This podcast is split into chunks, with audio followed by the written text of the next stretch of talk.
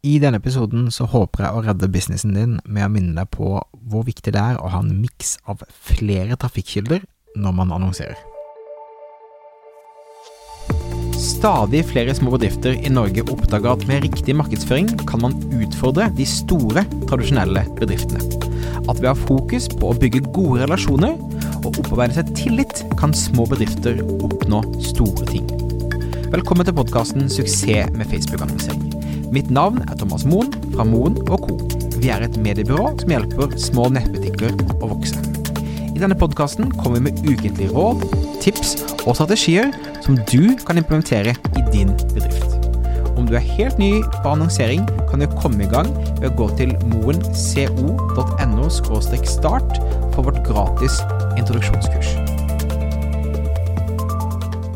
Hei, hjertelig velkommen tilbake til en ny episode. Godt nyttår. Håper du er godt i gang. Håper du har hatt et, eh, en bra pause. Januar er for mange en tid å revidere eh, strategier, revidere hva som fungerte bra i fjor, hva skal vi fokusere på i år, osv., osv., osv. Og da er det også en perfekt anledning for meg til å minne deg på hvor sårbar du er hvis du har suksess med annonsering, som hele denne podkasten handler om.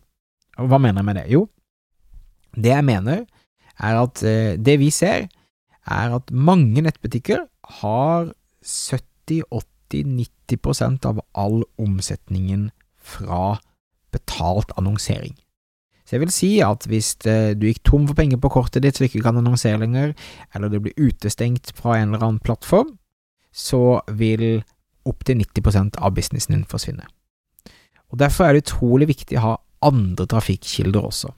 Spesielt hvis du for eksempel bare til nå har suksess på Facebook med Facebook-annonsering, at det er kun der du annonserer, eller hvis du kun annonserer på Google, så ber jeg så pent jeg kan ta og eh, distribuere risikoen, spre ut risikoen med å ha annonser på flere flater.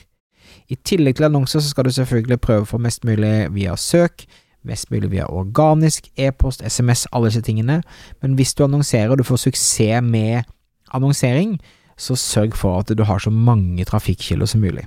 Og Min påstand er at så lenge det er lønnsomt, så lenge du tjener 1, 2, 3 kroner per salg, altså i pluss etter du har regnet ut alle utgiftene dine, så er det en kanal du bør fokusere på. Og det er fordi at hvis du skulle være så uh, uheldig at eksempel få det vi kaller det Facebook-slap, altså det at Mark Zuckerberg plutselig har en dårlig dag på jobben og bestemmer seg for å stenge annonsekontoen uten grunn, som har skjedd mange bedrifter som jeg har snakket med opp gjennom de siste tolv månedene, helt uten grunn. Vi har eksempel på, på gode, veletablerte, seriøse nettbutikker som har fått stengt ned annonsekontoen sin i månedsvis, og som har, har nesten drept businesser. Så hvis du har god suksess på en av kanalene dine, ta og begynn å teste ut andre kanaler også. Det er altså grunnen til at vi nå har gått fra å snakke om suksess med Facebook-annonsering, som podkasten opprinnelig handlet om, til suksess med annonsering. Så hvis det er noe jeg kan få deg til å gjøre nå i 2022, eller når du måtte høre dette her, så er det da eh, eksperimentere med flere annonsekanaler. Akkurat nå, annonsekanaler som jeg syns fungerer bra, det er, som jeg snakket om i flere år nå, Snapchat, du bør absolutt teste med Snapchat om det er mulig å hente noe der. TikTok er en blad plattform. Eh, Pinterest er en bla plattform. Eh, jeg er fortsatt ikke noen fan av LinkedIn i det hele tatt. Det er eh, ikke noen eksempler på noen norske merkevarer som har fått suksess konverteringsmessig med å annonsere på LinkedIn. Men vær på Facebook, vær på Google, vær på Snap, vær på TikTok, vær på Pinterest, vær på Bing. Og så lenge du da har lønnsomhet i seg sjøl, så handler det om å da skaffe deg mest mulig nye kunder, mest mulig salg, for det at eh, annonsering blir bare dyrere og dyrere, dyrere hvert eneste år. Det kommer selvfølgelig nye annonsekanaler som gjør ting, gjør ting, billigere, sånn som Snapchat og TikTok er billigere enn Facebook akkurat nå i forhold til per tusen visning, men når denne situasjonen der, så skal du ønske å få flest mulig nye kunder som du kan selge til på e-post og på andre ting.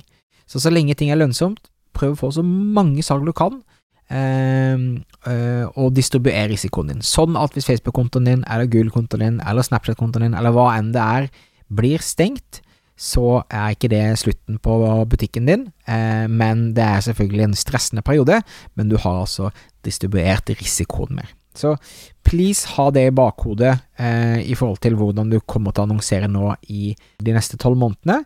Eh, ikke gå på en smell og vær helt supersårbar av bare kun én ting. Ok? Det var uh, ukens uh, lille oppfordring fra Thomas. Takk for at du lytta på.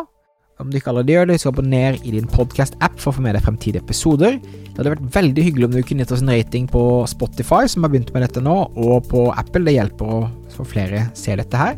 Vi har også en egen bonusguide til hvordan jeg setter opp eh, annonseannonsasjonen min på Facebook på moen.no bonus. Mitt navn er Thomas Moen. Vi høres igjen neste uke for en ny episode av Suksess med annonsering. Ha det fint!